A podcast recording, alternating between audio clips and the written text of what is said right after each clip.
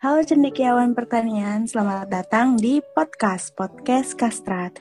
Nah, ada pepatah mengatakan tak kenal maka tak bisa memanggil nih, ya kan? Daripada nanti waktu ketemu offline manggilnya woi atau hey atau heh gitu kan, lebih baik kita kenalan dulu nih. Kenalin, aku Antonia Enda Susetia dari Teknologi Pangan 2019.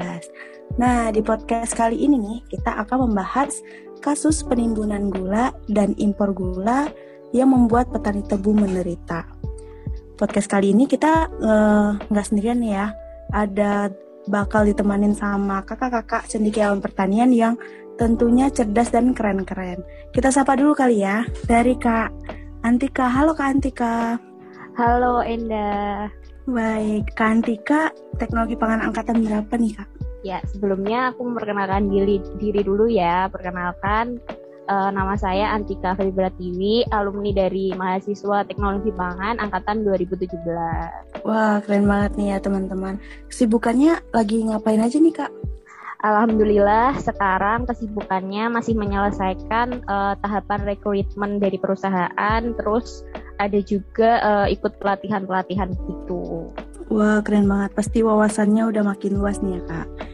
Oke, mungkin uh, ada teman lagi nih dari mahasiswa Teknologi Pangan Undip juga. Halo Kak Evan. Halo Kak Enda. Perkenalkan eh, teman-teman, nama aku Evan Adrian, mahasiswa Teknologi Pangan 2019. Oke, Kak Evan nggak sendirian juga nih dari mahasiswa Undipnya. Ada Kak Aska. Halo Kak Aska. Uh, halo Kak Enda dan semuanya, selamat malam. Perkenalkan nama aku Aska Nadia dari mahasiswa, mahasiswa baru nih, mahasiswa baru angkatan online sih lebih tepatnya, itu angkatan 2020 dari teknologi pangan juga di Kak. Oke, semangat terus ya Kak kuliahnya. Nah, karena kita uh, membahas tentang kasus penimbunan nih, penimbunan gula, mungkin teman-teman yang di rumah belum paham uh, apa sih penimbunan gula itu. Nah, aku akan jelasin sedikit nih ya ringkasannya. Jadi, pada tahun 2021 itu uh, terjadi kasus penimbunan gula di masa Ramadan atau menjelang Lebaran. Hal ini uh, diketahui dari Satgas Pangan Jawa Timur itu yang melakukan sidak di PT Kebun Tebu Mas atau PT KTM. Nah, dari PT KTM ini didapatkan 15.000 ton gula rafinasi dan 22.000 ton gula kristal putih itu di uh, ditimbun nih sama PT-nya uh, eh, dengan tujuan untuk mendapatkan keuntungan maksimal di tengah daya beli yang sedang lemah. Nah, mungkin dari kasus ini nih kita bakal diskusi nih Kak. Menurut dari Kak Evan dulu nih, Kak Evan, gimana sih Kak pendapat Kakak mengenai masalah penimbunan gula yang terjadi?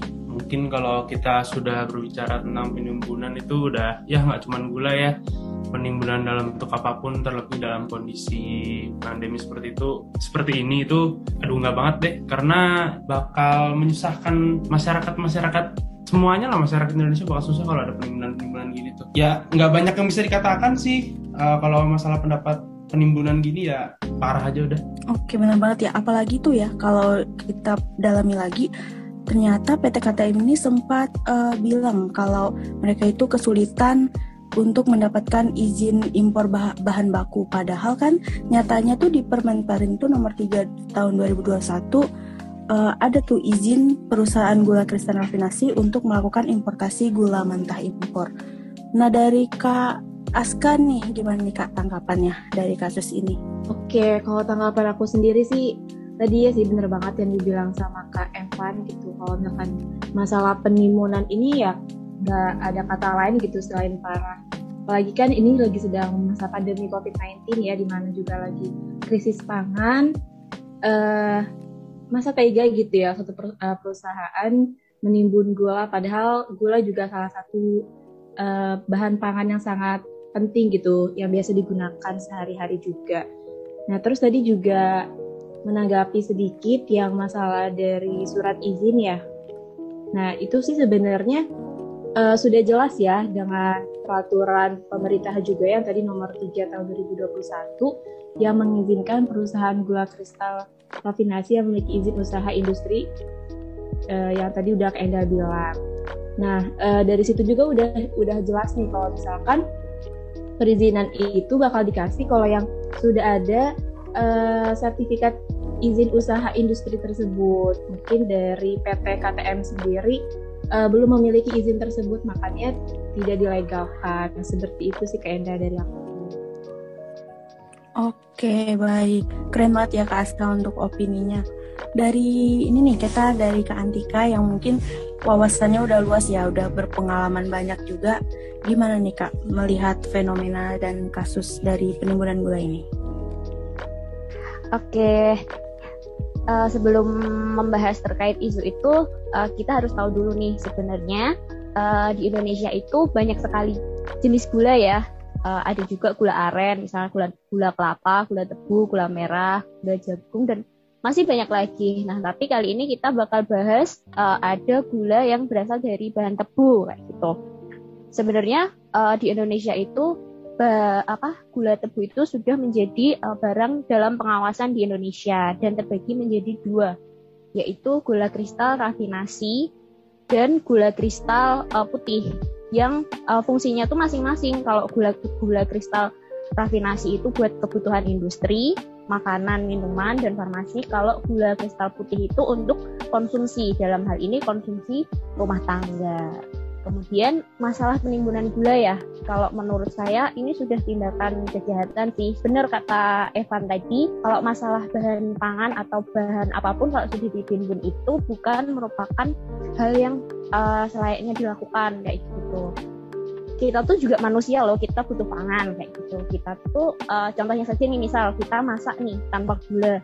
Rasanya kan juga kurang pas ya minum teh atau kopi pun juga rasanya kalau nggak ada gula tuh juga nggak enak uh, bikin kue misal juga. Pasti nggak ada rasanya kayak gitu. Jadi uh, sebenarnya keberadaan gula itu sendiri itu sudah menjadi uh, hal penting gitu bagi manusia. Jadi uh, aja gitu loh dilakukan kalau semisal maksudnya nggak selayaknya aja dilakukan kalau ada penimbunan gula kayak gitu. Terlebih lagi bener di masa kayak gini. Setahuku uh, juga menimbun itu artinya uh, apa ya mengumpulkan dalam jumlah banyak ya. Dan uh, saya baca kronologinya pun berawal dari kelangkaan dan dengan menimbun itu mereka menjual lagi di saat yang pas. Misal uh, bener tadi yang dikata dikatain Endah kalau nggak salah. Waktu lebaran misal atau bulan puasa kayak gitu. Harganya kan jadi tinggi kayak gitu. Tentu uh, penimbunan ini tujuannya untuk mendapatkan keuntungan tersendiri kayak gitu. Mendapatkan keuntungan yang lebih banyak kayak gitu padahal dalam perdagangan dalam ekonomi itu yang di pentingkan kan kemaslahatan umum gitu loh, bukan kepentingan pribadi. Kalau menurut aku kayak gitu, itu sepemahaman saya ya. Oke, wah luas banget ya pemahamannya kan Tika. Kita bisa dapat pandangan baru nih mengenai uh, tadi pembagian gula tadi ya ada gula kristal dan gula rafinasi. Terus um, oh, bahwa ya, penimbunan boleh nambahin sedikit nggak? Oh ya boleh, boleh kak.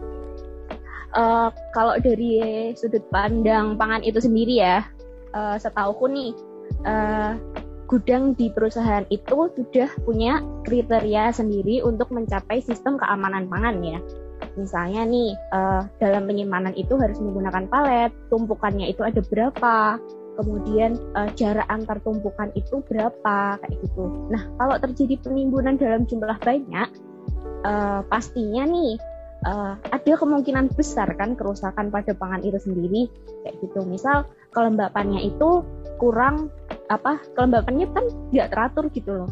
Kemudian bahan jadi berubah produknya jadi berubah kayak gitu. Apalagi saya juga sempat baca berita bahwa penimbunan itu terjadi uh, sampai di luar gudang. Kemudian ada juga yang penyimpanannya di penyimpanannya bareng sama uh, produk apa ya pakan kalau nggak salah. Aku sempat baca seperti itu. Padahal setauku, sepemahamanku, untuk penyimpanan produk barang itu sendiri, untuk bahan baku dan bahan produk jadi pun harus dipisahkan. Apalagi dengan seperti bahan alergen dan seperti itu harus dipisahkan. Kalau misal ada penimbunan atau pencampuran barang dalam satu tempat yang sama kayak gitu, pasti ada kemungkinan besar untuk terjadi kerusakan pangan dan dampaknya sendiri pasti kalau misal dikonsumsi oleh manusia ya untuk dampaknya kesehatan gitu loh maksudnya gitu. Oke keren banget kak. Iya bener banget ya kak. Kalau misalnya ada penimbunan pasti juga mereka akan menung karena menunggu waktu yang tepat untuk dikeluarkan pastinya bakal terjadi perubahan kualitas apalagi kadang Indonesia itu uh, kurang perhatian ya terhadap keamanan dan kualitas pangan. Setuju banget, keren banget Kak Antika. Kita lanjut nih ya, masih di di PT Kebun Tebu Mas nih. Sebenarnya penimbunan pangan itu udah diatur loh teman-teman. Ada di dua undang-undang, ada di UU RI nomor 18 tahun 2012 dan UU Perdagangan nomor 7 tahun 2014. Sebenarnya kalau misalnya industri itu melakukan penimbunan pangan, mereka bakal dapat sanksi bisa saja berupa denda uang dan juga bisa mendapat sanksi administratif atau pencabutan izin untuk terhadap perusahaan itu. Nah, menurut Kak Evan nih Kak, menurut Kakak perlu atau pantas nggak sih pencabutan izin usaha itu dilakukan ke PT Kebun Tebu Mas? Ya memang yang dilakukan PT Kebun Tebu Mas itu udah kejahatan terhadap kemanusiaan lah ya tentunya penimbunan terlebih di saat-saat genting seperti ini. Namun mungkin aku coba memberikan gimana ya sudut pandang lain gitu ya. Kalau misalkan sampai dicabut izin usahanya sebenarnya dampaknya tuh bakal uh, nggak uh, cuman ke PT Kebun Tebu Mas itu sendiri gitu loh. Kan mereka tuh punya karyawan-karyawan kan ya. Nah kalau izin saya dicabut itu kan jadi yang karyawan-karyawan di situ kan jadi tidak apa namanya tidak memiliki pekerjaan gitu kan. Memang kalau misalkan izin usaha dicabut pasti ada maksudnya perusahaan tersebut itu harus memberikan ya mungkin uh, pesangon atau kayak gimana. Cuman emang bakal jadi ada orang yang tidak memiliki pekerjaan seperti itu. Nah mungkin bisa kita terapkan ya pasal-pasal yang sudah disebutkan tadi kayak 29 ayat 1 UU perdagangan uh, pasal 133 UU pangan yang baru yang tujuh tahun penjara dan juga denda maksimal 100 miliar rupiah gitu-gitu. Itu bisa diterapkan terlebih dahulu untuk memberikan efek jerah. Mungkin kalau memang sudah mencapai batas maksimal yang ya parameternya pemerintahan lah itu bisalah mungkin dicabut ya izin usahanya gitu sih. Oke keren banget. Berarti uh, dari Kak Evan melihat sudut pandang dari buruh yang bekerja uh, para pekerja yang ini ya uh, mencari nafkah di PT Kebun PT Kebun Tebu Mas ini. Tapi kan iya, uh, perusahaan ini juga udah melanggar hukum ya, melanggar peraturan yang udah ditetapkan. Nah, menurut Kak Antika nih Kak, gimana nih Kak? Apakah pantas nih untuk dicabut izin aja? Menurutku ya, diberlakukannya pencabutan izin usaha saja gitu ya. Perlu apa enggak? Hmm, menurutku uh, harus dilakukan sesuai hukumnya aja sih. Mengingat kita, kita kan juga negara hukum ya jadi masalah penimbunan ini harus dipidana kayak gitu. Apalagi udah ada undang-undang yang um, undang-undang hukum yang uh, mengatur terkait hal tersebut kayak gitu. Untuk uh, sebenarnya kalau untuk sanksi administrasi ya aku juga baca juga di uh, peraturan pemerintah nomor 29 tahun 2021 tentang penyelenggaraan bidang perdagangan. Sepemahamanku nih kalau untuk sanksi administrasi itu ada beberapa jadi ada teguran tertulis penarikan barang dari distribusi kemudian peng penghentian sementara kegiatan usaha ada juga penutupan gudang, denda, dan pencabutan izin usaha. Nah, pencabutan izin berusaha ini tuh kayak uh, kalau semisal yang lain itu udah nggak terpenuhi, kayak menurutku kayak pilihan terakhir gitu loh. Kalau semisal uh, dari hukumnya itu tidak terpenuhi.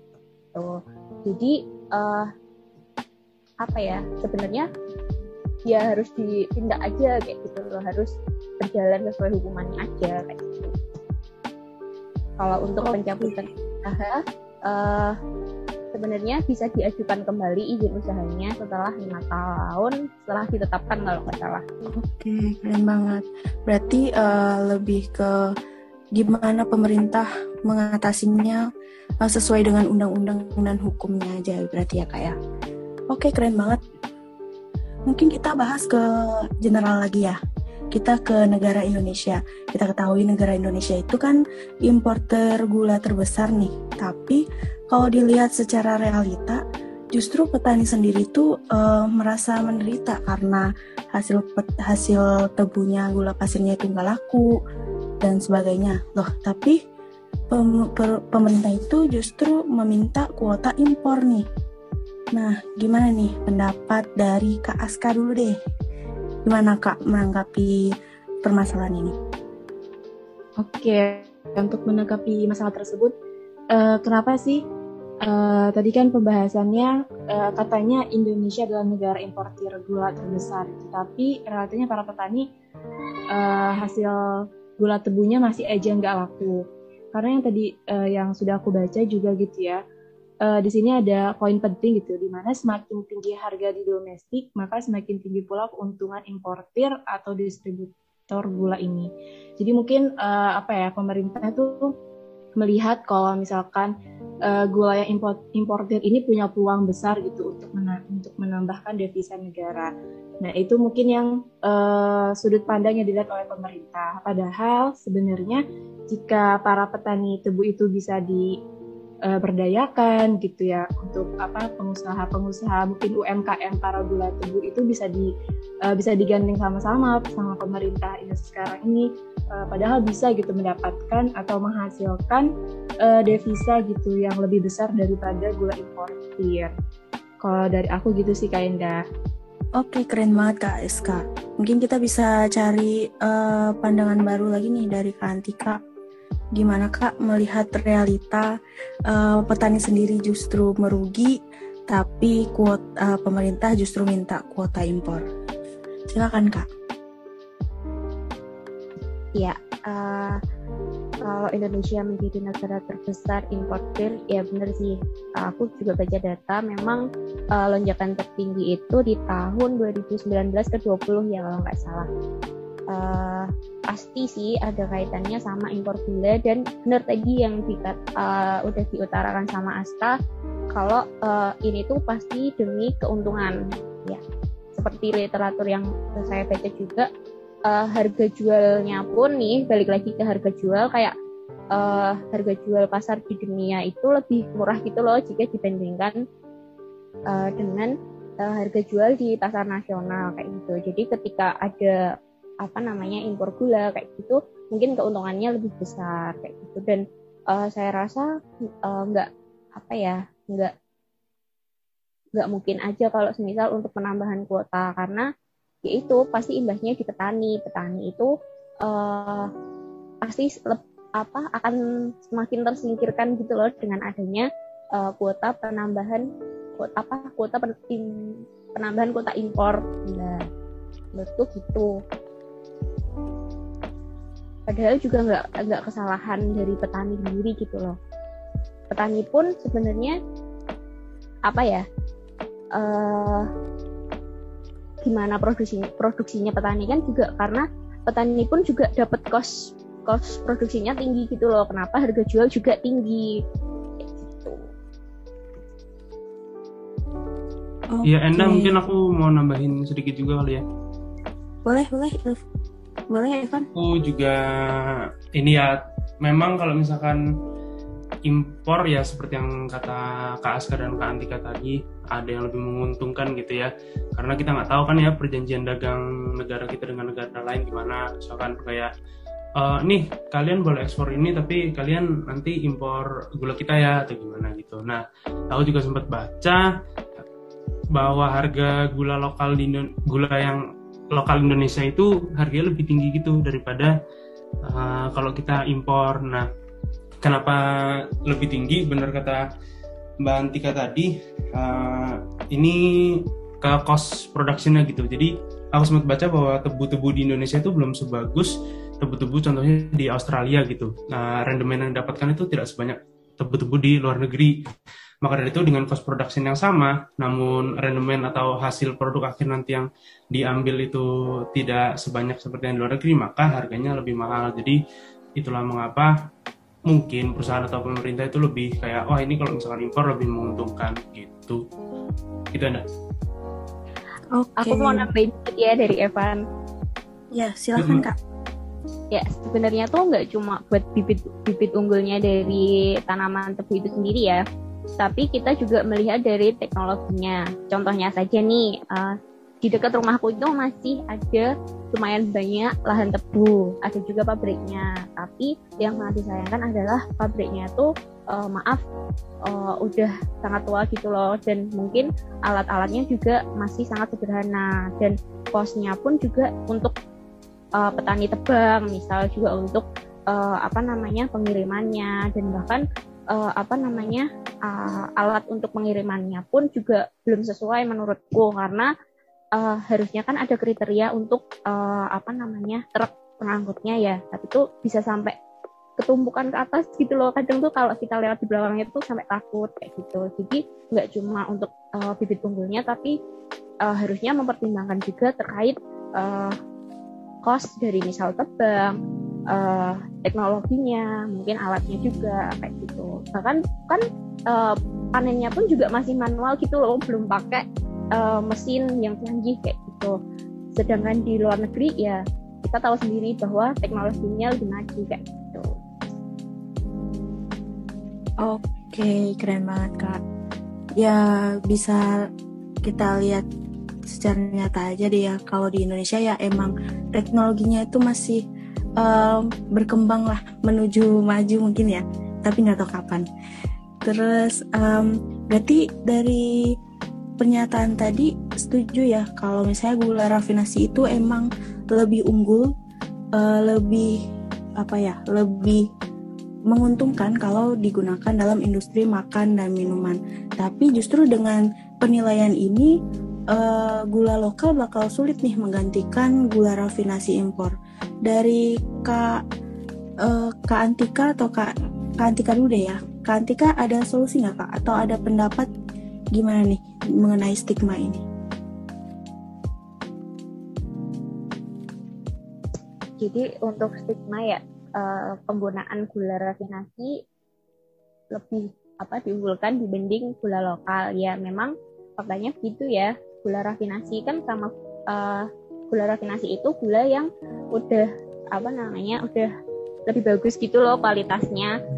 Lebih jernih istilahnya kayak gitu. Sesuai yang aku baca literatur yang aku baca pun dari tiga jenis gula yang aku sebutkan tadi uh, gula gula apa? Gula mentah gula ada juga gula mentah ada gula gula kristal rafinasi sama gula kristal putih itu uh, kualitasnya lebih bagus rafinasi jadi ya wajar aja kalau misal uh, perusahaan industri itu lebih menggunakan rafinasi kayak gitu uh, perusahaan industri pun pasti mempertimbangkan kalau memang ada ada yang harganya lebih murah dan kualitasnya lebih bagus, kenapa kita tidak membeli itu? Seperti itu.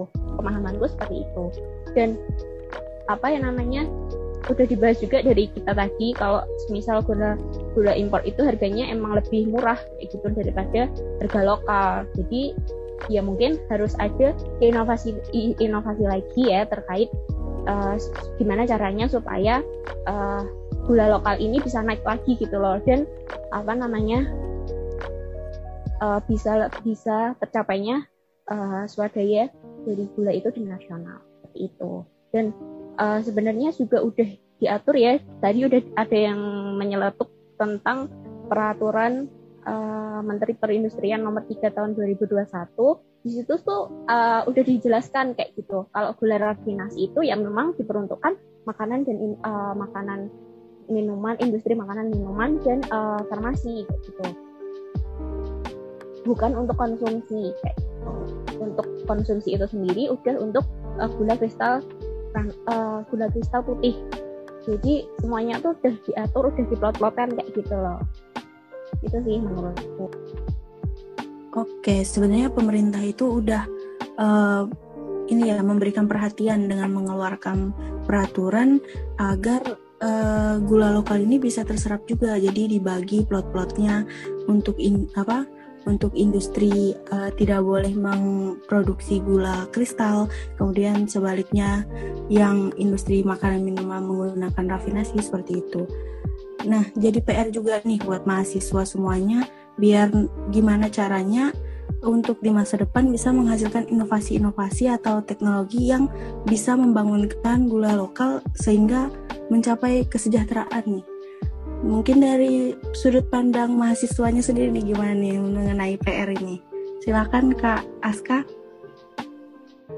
Oke, kalau dari sudut pandang aku sendiri gitu ya, sebagai masih menjadi mahasiswa aktif gitu ya, kalau untuk inovasinya sendiri uh, bisa dilihat ya dari sekarang kemajuan teknologi yang sudah semakin canggih, sudah semakin cepat. Yang pertama sih pastinya kita bisa banget gitu untuk uh, memberdayakan gitu para petani tebu gitu untuk sama-sama uh, mengelola dan memperbaiki produk dari gula tebu tersebut. Dan pastinya juga nanti bakal di branding karena kan sekarang udah zamannya sosial media ataupun uh, yang serba cepat lah di mana kan orang-orang juga lebih sering mendapatkan media apa informasi melalui media-media uh, sosial gitu media-media maya. Nah dari situ kita bisa nih untuk membranding uh, brand-brand gula lokal gitu gula tebu lokal yang bisa dikonsumsi Nah, mungkin juga uh, aku mau sedikit ngebahas yang stigma tadi gitu. Uh, kenapa sih kemungkinan gitu ya untuk penggantian menjadi gula lokal ini tuh sangat sulit gitu. Karena bisa jadi kemungkinan uh, dari pengetahuan masyarakat di Indonesia sendiri gitu ya terkait pembagian-pembagian gula itu tuh ada ada apa aja tuh masih minim gitu. Mungkin orang-orang yang sudah uh, memilih yang sudah belajar ataupun yang uh, mencari tahu atau kepo-kepo kayak gitu pasti mereka bisa lebih tahu. Nah kan kita bisa tahu uh, bisa kita lihat sendiri gitu ya uh, tingkat apa ya minim baca masyarakat di Indonesia itu masih rendah gitu. Jadi pengetahuan mereka tuh terhadap ya nggak cuma gula aja gitu, mungkin terhadap kondisi atau isu yang sangat urgent sekarang aja masih belum pada masih belum pada tahu gitu. Mungkin dari sini juga salah satu tugas pemerintah, tugas kita sebagai mahasiswa pelajar gitu yang berpendidikan bisa sama-sama gitu memberikan informasi atau edukasi kepada masyarakat Indonesia terkait gula tebu ini. Gitu sih Kak Indah. Oke, terima kasih. Mungkin ada tambahan nih buat Evan mengenai inovasi dan PR sebagai mahasiswa biar petani tebu itu merasakan kemakmuran dan kesejahteraannya. Iya, biar petani tebu sejahtera ya tentunya ya seperti yang permasalahan yang tadi kita bahas kita bisa tuh mulai bikin-bikin lah te eh, bibit tebu yang kualitasnya oke okay, yang bagus gitu biar nggak kalah sama luar. Dan tentunya juga didukung dengan adanya kemajuan teknologi sehingga potensi rendeman dari pertebunya itu uh, banyak gitu. Jadi cost productionnya tetap segitu tapi produk akhir yang kita dapatkan lebih banyak sehingga harganya bisa lebih murah gitu kan. Jadi perusahaan tuh berani gitu pakai gula-gula lokal. Karena kalau misalkan memang gula lokalnya kita maksudnya perusahaan suruh pakai gula lokal nih tapi gula lokalnya masih tinggi nanti kan harga produksi mereka harga produk mereka kan jadi lebih tinggi juga. Nah itu kan juga nyusahin masyarakat kan. Jadi memang kita dari awalnya dari bibit-bibit dan teknologi yang digunakan oleh petani itu ya dibagusin lah gitu ya Nah, habis itu kita juga bisa tuh uh, biar petani langsung bukan langsung, biar petani sejahtera gitu kita bisa banyak kan yang udah menerapkan kayak kita beli langsung dari petaninya gitu kan. Nah, mungkin pemerintahan juga bisa nih bikin kayak regulasi yang cocok nih sama pemberdayaan gula lokal kita ketika memang kualitas gula kita sudah bagus dan bisa harga yang bisa dikatakan murah gitu ya karena bibit yang bagus dan juga teknologi pengolahan yang bagus gitu. Dan mungkin ya dengan adanya itu mungkin kan impor lama-lama juga bisa dibatasi gitu. Sehingga bisa lah nanti sejahtera petani. Kita juga untuk mendukung itu kita bisa memberikan edukasi ini uh, kepada petani tebu tentang bagaimana pengemasan yang bagus dan yang lain-lain. Sehingga nanti aminnya petani kita lambat laun bisa makmur. Gitu Enda. Oke, keren banget. Nah, dari Kak Antika nih, yang mungkin udah um, bertemu dengan masyarakat, terutama petani tebu mungkin yang udah berpengalaman banyak nih ya. Gimana nih Kak? Sebenarnya kesejahteraan petani itu uh, sudah tercapai dan kira-kira inovasi dari mahasiswa uh, yang seperti apa nih Kak yang bisa mendukung kesejahteraan dan kemakmuran komoditas tebu? Iya, sebenarnya uh, untuk gimana supaya kesejahteraan dan inovasinya udah dibahas tuntas ya. Menurutku udah keren banget dari Evan sama Aska. Uh, ya aku menambahkan sedikit aja. Sebenarnya masalah uh, gula di Indonesia itu udah ada uh, apa ya menurut literatur yang aku baca tuh udah ada udah digandeng gitu loh sama pemerintah. Kayak restrukturisasi bisnis gula itu sendiri, restrukturisasi pabrik gulanya itu sendiri pun udah menjadi bagian dari program strategis kementerian kayak gitu. Uh, semoga aja ya harapannya semoga dapat terlaksana kayak gitu.